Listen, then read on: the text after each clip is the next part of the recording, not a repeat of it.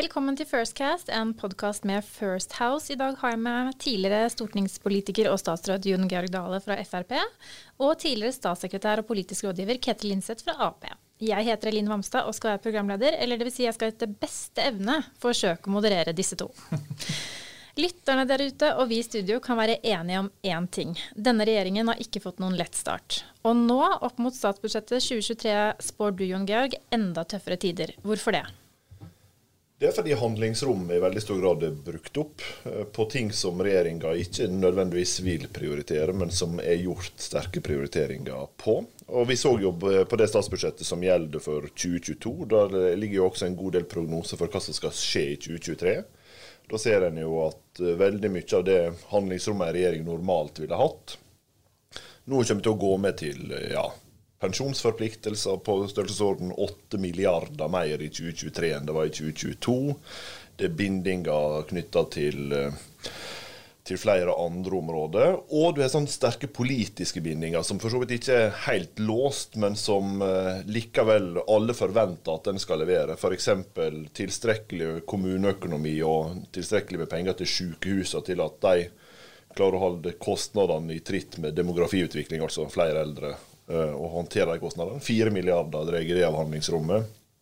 Nasjonal transportplan drar en milliard til to hvis de skal holde oppe tempoet på den. Langtidsplan på Forsvaret det samme. Og Det betyr at det er veldig lite penger igjen til de normale prioriteringene de vil gjøre. Fordi at staten må bruke mindre penger fordi økonomien går opp, veksten går opp.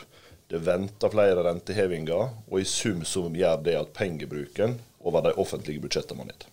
Og Vi skal dykke mer inn i det straks, men eh, nå kan det jo være flere der ute som spør seg selv hvorfor sitter First House og snakker statsbudsjett allerede i februar. Og til de, Ketil, så svarer vi Da ser vi det at eh, selv om statsbudsjettet legges fram av, for Stortinget og regjeringa i oktober, Eh, så starter jo eh, budsjettprosessene ja, I departementene så starter de umiddelbart, nesten etter at eh, regjeringa har lagt fram budsjettet sitt i oktober. Da, I fagdepartementet så begynner man da å jobbe med prioriteringene for neste år.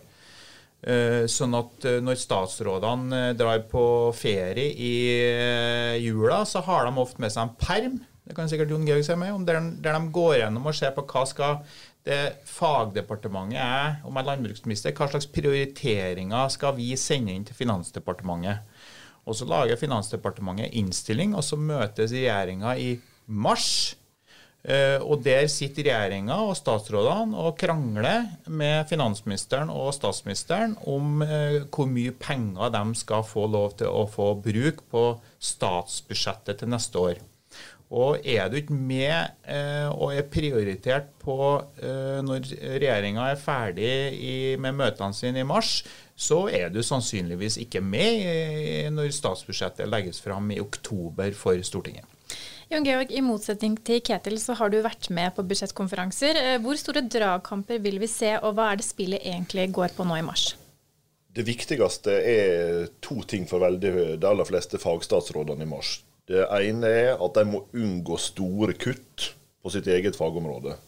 For hvis du blir pålagt et kutt i mars, så må du enten så må du gjennomføre det kuttet, eller så må du finne penger fra dine øvrige prioriteringer for å tette hullet som det kuttet du er pålagt, egentlig gir deg. Så får du et kutt i mars, så må du kutte i budsjettet ditt. Ingen vei tilbake.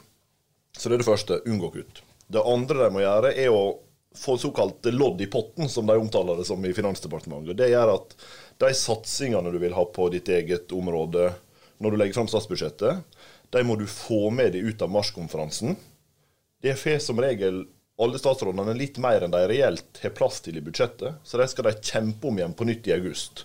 Så det første du må gjøre, unngå kutt. Det andre du må gjøre, prøv å få med deg noen lodd til at du skal få til et av satsingene, valgløftene dine, inn i augustkonferansen. For når det siste slaget står der, det er da først du lander det endelige budsjettet som vi andre ser når det kommer da i oktober.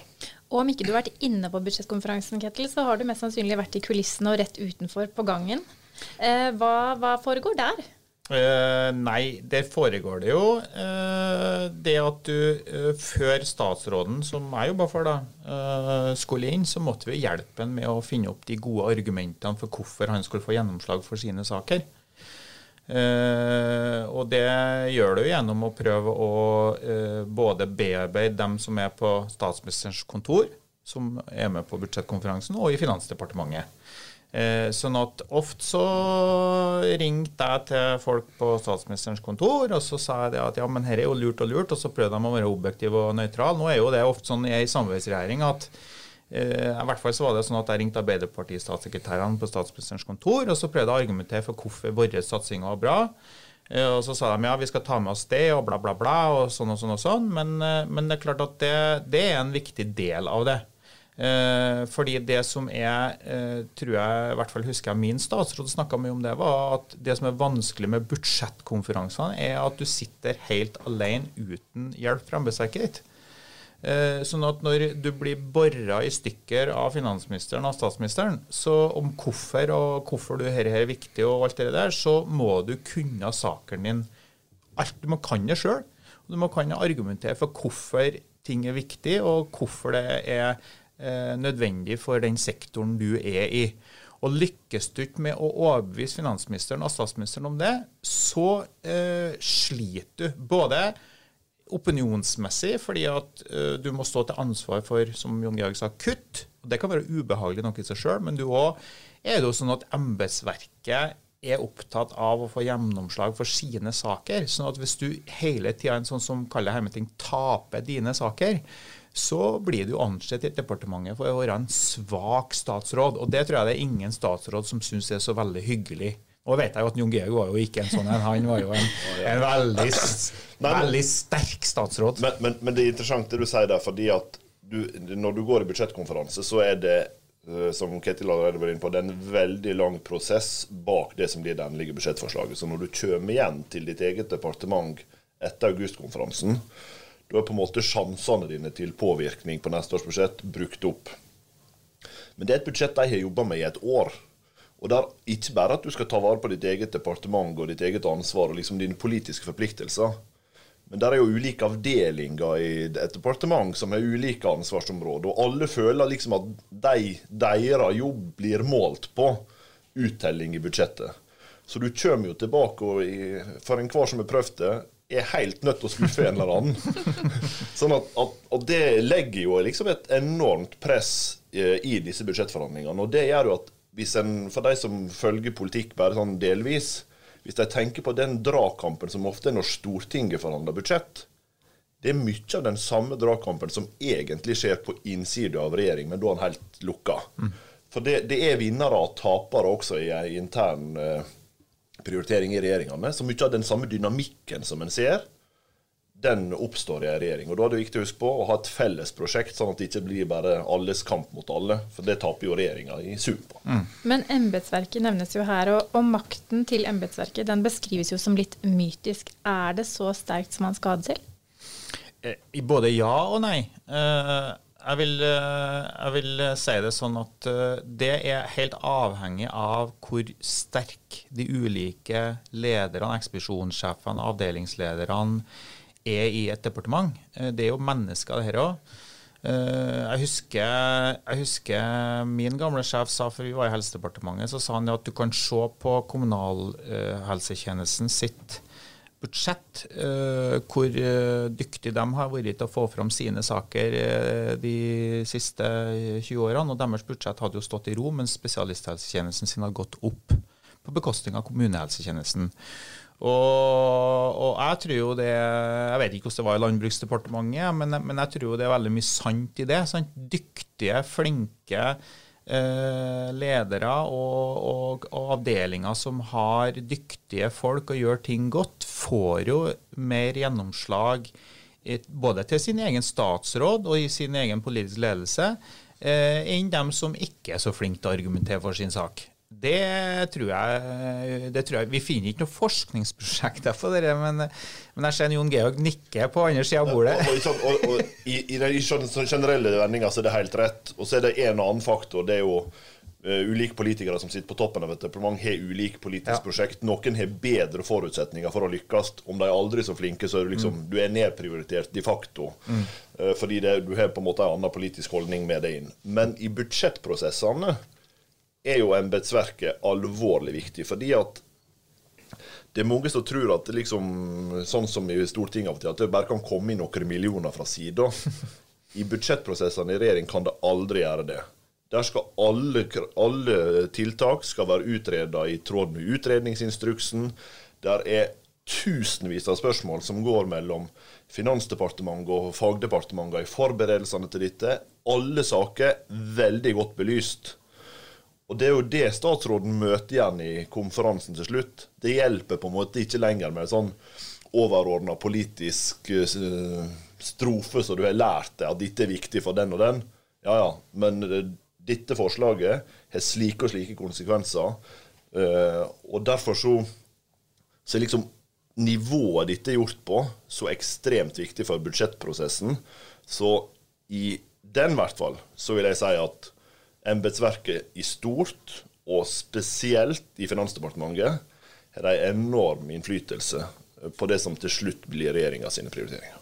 Vi vet at denne regjeringen skal reversere alt fra avbyråkratisering til regionsreformer, og på toppen av det kan to senterpartistyrte departementer binde opp enda mer handlingsrom gjennom kommunepreposisjonen og landbruksoppgjøret.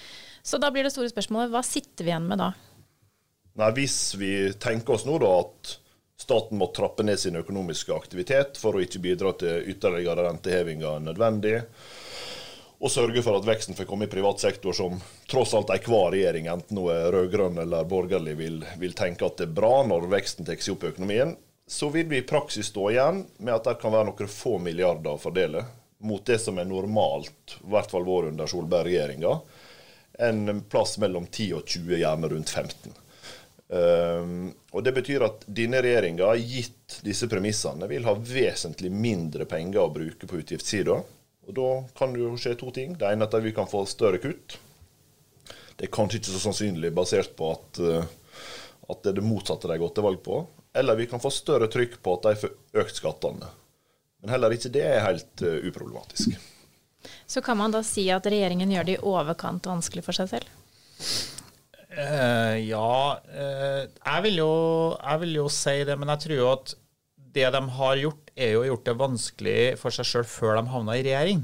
Uh, og det er jo ofte det som man ikke har, tenker så godt på før man havner i regjering. Det kunne jeg jo, jeg kunne jo harslert mye med Fremskrittspartiet før de havna i regjering i 2013, men sier at jeg er en høflig mann. Nev så nevner du ikke bompenger nå? Så nevner jeg ikke bompenger, og sier ingenting om det. Eh, så, så, men jeg kunne jo liksom, selvfølgelig ha sagt noen ting om eh, hvor jeg tror at, uh, at det har vært uh, traumatisk, spesielt for Arbeiderpartiet, å sitte i to perioder uten å ha hatt makt. Det har jo ikke skjedd siden 1935, uh, eh, hvis jeg ikke tar helt feil. og det er jo en, det er jo, en, det er jo Eh, å, forklare hvor traumatisk det har vært for en organisasjon som Arbeiderpartiet, som har vært vant til å ha sittet og hatt regjeringsmakt øh, aldri mindre enn fire år, det tror jeg nesten ikke har tid til i det programmet her. Men det jeg kan si noe om hvilke konsekvenser det har, det har jo vært at tror jeg at du har, du har Til slutt så lover du å forplikte deg så mye for å komme i regjering at du til slutt bare tenker at dette ordner vi sikkert. Men så har det vært et sett av ulike ting som har inntruffet, som har gjort det mye vanskeligere for dem. Da. Det ene er jo at Uh, nå, skal ikke jeg, nå er ikke jeg noen makroøkonom, men at det er klart at med pandemien og at sentralbankene rundt om i verden har pøsa ut så mye penger, uh, har, jo, har jo gjort noe med inflasjonspresset og i Norge. Det gjør jo at uh, handlingsrommet på den måten blir, for staten blir, blir vanskeligere. Det andre er at, uh, at, pandemien har gjort at du måtte ha brukt mye penger på ting som du ikke egentlig hadde planlagt å bruke penger på. tredje er jo den såkalte strømkrisa, som på en måte har gjort at du har måttet å eh, håndtert den saken og brukt penger i forhold til det å kompensere folk for eh, tapte inntekter og alt det som på en måte uh, hører med til det. Og da summen av dette her gjør at det blir vanskelig. Uh, fordi at den planen og den strategien du hadde lagt for fire måneder siden, må du bare legge bort. Og så må du gjøre noe helt annet. Og det er Når du da sitter to partier som har laga en strategi, og du har kompromissa deg fram til en regjeringserklæring i oktober, så kommer du i januar, og så, så må du starte alt på nytt igjen. Hold på den tanken, for nå er Jon Georg på ballen her. For det, det, dette, dette, er ganske klar parallell til 2014-2015, når vi satt i regjering. Oljeprisen falt som en stein. Alt måtte liksom Alle, alle debatter endra seg, alt måtte legges på nytt. Men da var jo fordelen for de av oss som var i regjeringsapparatet da, er at det oljeprisfallet gjorde at vi måtte bruke mer penger. Så vi, liksom, vi fikk økt handlingsrom til leveranse. Men det som skjer akkurat nå, er jo at Høyreregjeringen ble glad for å få økt staten sine utgifter. Det, fantastisk. fantastisk. Vi fikk, vi fikk, holdt mer av valgløfta. Ja, det er helt rett. Eh, men, men nå, skjer det, nå skjer det motsatte. Det må strammes inn. Og det skal strammes inn samtidig som du må bruke en del av det handlingsrommet, ikke på å gjøre nye ting som du lovte velgerne, men på å kvitte det med det forrige regjering gjorde, gjennom reversering av et par av disse reformgrepene. Og det er ikke jeg sikker på om i hvert fall Arbeiderpartiet hadde vekta så sterkt som de gjorde i valgkampen, hvis de skjønte da hvor lite handlingsrom de kunne sitte igjen med nå. Fordi de risikerer jo og blir sett på som en regjering som først og fremst er opptatt av å komme tilbake igjen der en var i 2013 på noen områder, i stedet for å danne sine egne nye prosjekt.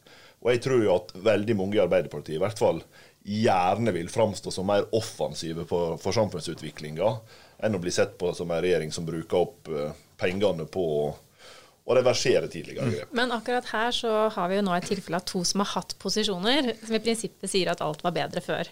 Nei, nei, nei. På ingen måte bedre før. Altså, eh, vel, I, I, politikken må du aldri la en krise gå fra deg.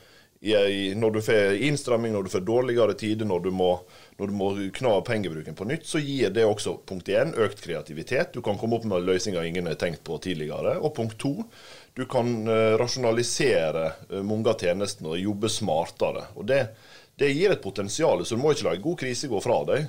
Men det, det, er det som er utfordringen nå. Det blir mye vanskeligere for regjeringa, fordi de, de kan ikke kjøpe seg ut av problemene. De må finne andre eh, innganger til Men der tror jeg jo kjernen av problemstillinga egentlig Eller hunden ligger begravd, det heter Hunden ligger begravd, det, ja, noe sånt. Eh, der, er jo, der er jo at det ligger jo knytta til at hvis, hvis, du på en måte har hatt en situasjon der du ikke har gått til valg på at du skulle ha for det de i prinsippet har gjort, sant, ja, de har gått til valg på at de skal øke størrelsen på offentlig sektor. Altså du skal øke velferdsproduksjon i regi av offentlig sektor. Sant? Du skal uh, ta over mer offentlig Du, skal ha, du, skal, du har denne velferdsprofitørproblemstillinga. Du, du skal øke produksjonen på offentlige sykehuser. Det betyr at du må pøse mer penger inn i offentlig sektor. Og så er dilemmaet her sant? det er jo at hvis du får redusert eh, inntekter som følge av eh, mindre handlingsrom i budsjettene dine, så du, har du da to valg. Enten så må du kutte, eller så må du øke skattene. Og så tror jeg at de kommer til å øke skattene. Men dilemmaet deres er jo det at hvis du øker skattene og bruker dem i eh, offentlig sektor, så øker du òg prisveksten. Sant? For da blir det eh, økt inflasjon. Og da, eh, da, forsvinner mye av det handlingsrommet. Så de er på mange måter litt eh, De, de er mala seg sjøl litt inn i kroken. sant? Fordi du, Hvis du øker skattene og øker forbruket, så øker òg inflasjonen og øker rentene. Så går vinninga opp i spinninga, for å si det sånn. Uh, og, og dere der uh, tror jeg de slåss med nå uh, internt. fordi at jeg tror de, hva, hva gjør vi nå sant, for å få innfridd de valgløftene? Men det er jo mange andre som lurer på hva gjør vi nå. Det er bl.a. de selskapene som har håp om å komme med på statsbudsjettet 2023. Og Jon Georg, har de noen sjanse? Det har de, men da må de jobbe brennkvikt i den fasen vi er i nå. For marskonferansen er 14. til 16. mars hvis du ikke er med med et lodd i potten øh, etter den datoen, så rekker ikke du 2023-budsjettet, med mindre vi velger den andre inngangen og ser hva en får til når budsjettet kommer til Stortinget og skal forhandles om der. Så Det er jo en av de tingene som øh, mange mener er fint med en mindretallsregjering. Det er alltid rom for en omkamp. Hvis du ikke kommer i første runde, så kan du komme i andre. Men en har dårlig tid hvis en skal posisjonere seg mot øh, regjeringa fram mot marskonferansen. Ketil, du hadde denne uken en kronikk i VG hvor du tok for deg regionspolitikk. Eh, og kan man egentlig kritisere Senterpartiet for å lytte til folk, når det er det som ligger bak deres engasjement? Feil spørsmål. eh, Nei da. Kan vi bytte ut programleder? uh, nei, det er jo et godt spørsmål. Uh, men, men det er klart at du skal, det er jo ikke det er jo ikke et poeng å kritisere Senterpartiet, men, men det, jeg syns det som eh, har vært en interessant debatt å følge som gammel, For jeg er jo gammel fylkespolitiker, og jeg har jo eh, gått en veldig god skole i fylkeskommunen i Nord-Trøndelag. Og hadde veldig stor glede av å være der når jeg var en ung mann.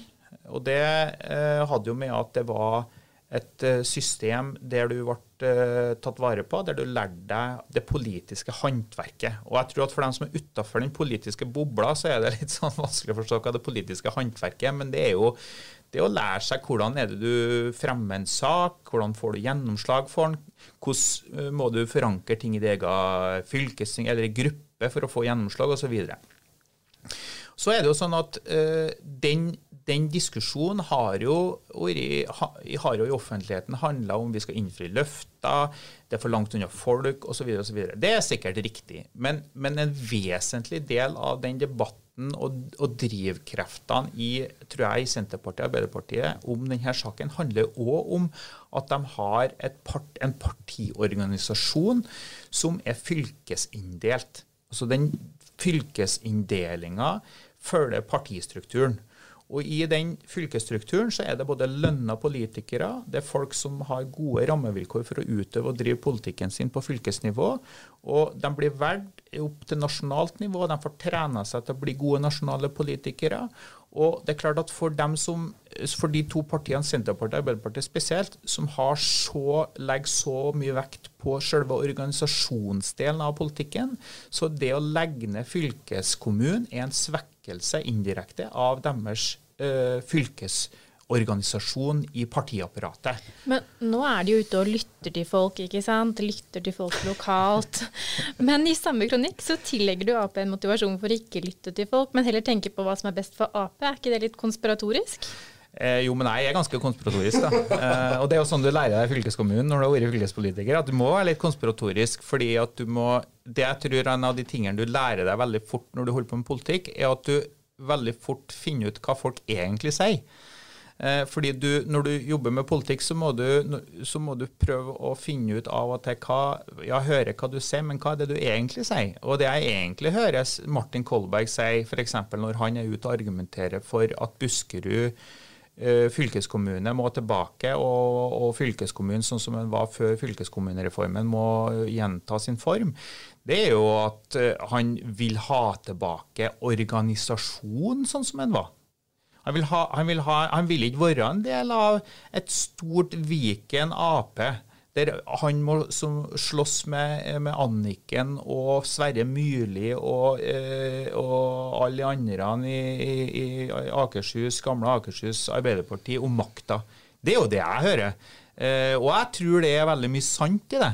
Eh, fordi jeg tror at eh, hvis jeg tar på meg sjøl den hatten Nå er jo Trøndelag slått sammen med, med, med til ett et fylke, det òg. Men hvis jeg skal tenke tilbake, så det som hadde gruva meg mest, det var jo at jeg hadde måttet slåss med Tore Sandvik om mine meninger, Trond Giske om mine meninger. Jeg har ikke kunnet sitte og vært kongen på Haugen i Nord-Trøndelag og vært han som har vært den mest lovende og, og beste politikeren. Ikke at jeg var det, da, altså. Eh, i motsetning til Jon Georg. Men, men eh, si det? jeg sa det, for jeg så du hadde tenkt å si det. Så jeg var før deg, det, gitt. Eh, Men, men det, jo, det tror jeg jo er det som, eh, som eh, Altså, det er ikke alt, fordi det er klart at det er noe med nærhet og alt sånne ting. Men i bunn og grunn så tror jeg en veldig viktig del av dette her er maktkamp internt i de her eh, partiene. Det er maktkamp, men det er også krevende. Og hvor lenge siden er det regjeringen har stått overfor en så krevende budsjettprosess som det den gjør nå?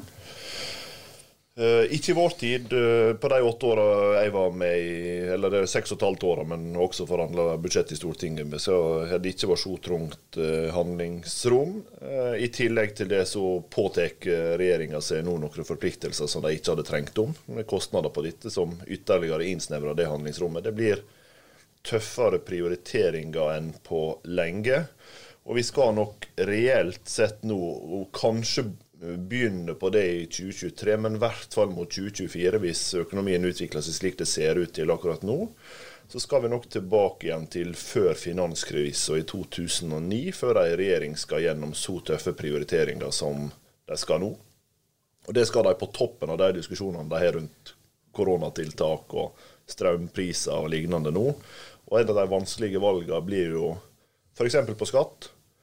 På toppen av økte kostnader til strøm og til diesel og til mat, hvis de prisene fortsetter å ta seg opp slik som de siste tallene tyder på nå, kan du legge på vanlige folk en økt skatteregning i tillegg. Vanskelige beslutninger uh, som skal skje allerede nå i mars. Ja, og Er det ikke litt sånn, uh, hva skal man si, en regjering som har frontet at nå er det vanlige folks tur, og så skal vanlige folk få økte kostnader, økt skattenivå og økte rente? Takler man det? Ja, det gjør den. Altså, dessverre, altså, Dette har jeg aldri sagt mens jeg var i politisk posisjon sjøl, men Arbeiderpartiet evner å styre et land. Uh, og det kommer de til å evne nå også. Det som kommer til å bli spennende, er hva slags intern dynamikk utløser dette mellom de to regjeringspartiene. For sånn sett utenfra så vant Senterpartiet første budsjettet. Arbeiderpartiet måtte stå i de vanskelige sakene. Senterpartiet fikk levert på en del av de områdene de var opptatt av. Kan det skje igjen? Kan Senterpartiet vinne de avgiftsdiskusjonen mot Arbeiderpartiet i en ny runde? Og hva er det vi ikke får plass til av, av nye ting som styrker velferden for, for, vanlige folk i budsjettet for 2023 som en konsekvens av det? Det er den type ting som kan påvirke samarbeidet i en regjering. Og det kan vi få se de første tildragningene til allerede nå på, i etterkant av marskonferansen. Og Hva kunne et tegn på at Arbeiderpartiet vinner budsjettkonferansen være? Det tror jeg er knytta til dette med om du evner å få f.eks. et godt sykehusbudsjett. Altså det at du får økt velferdsproduksjon knytta til offentlig tjeneste, et offentlig tjenestetilbud. Og, og, de har jo helseministeren, som de har vært bevisst å, å, å ville ha. Og, og, jeg tror jo at de er avhengig av å få til et økt budsjett og en, en økt satsing på det. Det kan f.eks. være egenandelskutt på, i helsetjenesten. Det er fryktelig dyrt for, for øvrig. Så, så, det er klart at det er igjen en, Det krever ganske mye, da. Vi får det ikke helt til å gå i, gå i hop, Nei, altså, jeg, jeg, tror jo Jon Georg har veldig rett når han sa det at jeg, de virker, altså, jeg er veldig usikker på hvor godt forberedt de var på hvor hvor krevende budsjettet kom til å bli, og hvor lite vekst det egentlig var i, i, i, i framover. Og så tror jeg at de har blitt jeg tror Senterpartiet er jo noen røvere. Jeg har jo, jo forhandla med dem før, og de vet hva de holder på med i forhandlinger. Og, og jeg er jo sånn som f.eks. nå når de fikk gjennom denne havvindmøllebegrensninga knytta til dette med utenlandskabel nå, f.eks. Det er jo en økt utgift. Det er, jo, det er, jo, det som er realiteten. Altså du, det koster jo da, for da må jo, den, den, den, differansen mellom det det koster å produsere den strømmen og det som skal ut til forbrukeren, må jo betales av eh, statlige, offentlige penger. Eh, de har fått gjennomslag for Viken, som koster, og fylkeskommunene, som koster mellom en halv milliard og en milliard. Eh, sånn at nok altså Jeg kan jo ikke fatte og begripe noe annet enn at de som har sittet og forhandla for Arbeiderpartiet, må jo ha, ha gjort noe fantastiske de, de, kommer jo opp med noe kort i forbindelse med statsbudsjettet da, som, er, som der, der, Senterpartiet òg må gi noen ting. For nå har Senterpartiet fått mye. Uh, og jeg tror at uh, det murres i Arbeiderpartirekka over akkurat dette her. Jeg tror ikke dette havvindmøllevedtaket f.eks var noe som vekket spesielt stor begeistring, verken i Fellesforbundet, LO eller i, i deler av Arbeiderpartiet. Eh, Vi skal straks runde av, men du sitter og nikker, Jon Georg. Ja, for jeg, jeg tror eh, Ketil har mye rett i dette. Det er Senterpartiet som har stokka av med de fleste av de store seirene hittil i regjeringssamarbeidet. Men det er også de som blør mest på meningsmålingene. Mm. Sånn at der Senterpartiet føler at de liksom vinner slagene, så taper de oppslutning. Mm. Mens Arbeiderpartiet holder seg noenlunde der de har vært. Og Det må en heller aldri glemme at påvirker dynamikken i en regjering. Og det, Vi har prøvd dette som var, som var mindre enn Høyre i regjering når vi satt der da blir det at du ikke lykkes, blir et argument på hvorfor du må få enda mer. Ja, Det er, det er ganske interessant. Uh, og det, det, tror jeg kommer til å påvirke den dynamikken ja, uh, både i forkant av marskonferansen, gjennom marskonferansen og kanskje hele det neste året. Det Alle politikere sier at dette er bare meningsmålinger, vi får ta det igjen og sånn og sånn. Alle politikere bryr seg om alle meningsmålinger. Eh, og når du ser den trenden som Senterpartiet har hatt etter de kom i posisjon, så tror jeg de kommer til å prøve å bruke det rått i enhver forhandling på politisk sak og gjennom budsjettkonferansen. Og der eh, er det viktig at Og det er fortsatt sånn at Jonas sitter igjen på bordet. Men finansministeren, hvis han gjør den jobben godt, har muligheter til å legge mange premiss for hvordan diskusjonene går internt i regjering. Her kan Senterpartiet kuppe Arbeiderpartiet en runde til. Tenk at en tidligere arbeiderpartist og en tidligere Frp-er, eller om dere fortsatt er det begge to, eh, kan være så enige her i studio, dere. Skulle nesten tro vi har avtalt det. ja, ja, det, vi skal, vi skal runde av, men Jon Gaug, du kom jo flyvende inn døren her før jul, rett fra regjering til First House. Var det en skummel debut her på First Cast, vil du si? Nei, altså, Ketil har jo prøvd å berolige meg nå i lengre tid om at uh, dette bør gå bra. Uh, jeg, det går bedre inn med Tottenham i hvert fall. Det skal jeg love. Nå, nå, tror jeg, nå tror jeg vi avbryter denne podkasten. Det, det var kjempeartig å få lov å være med på dette. Og det, det, som er spennende for oss som jobber i politisk avdeling her i First House nå, er jo at det er en så utrolig mye dynamikk som nå utspiller seg i det politiske landskapet, samtidig som vi ser at når krukka blir tom, så bites alltid hestene. Og vi ser liksom at det kommer til å prege den eh, politiske våren vi er på vei inn i. Kjempe, kjempegøy å få dykke nærmere ned i det i tida som kommer også. Takk. Da runder vi av podkasten der.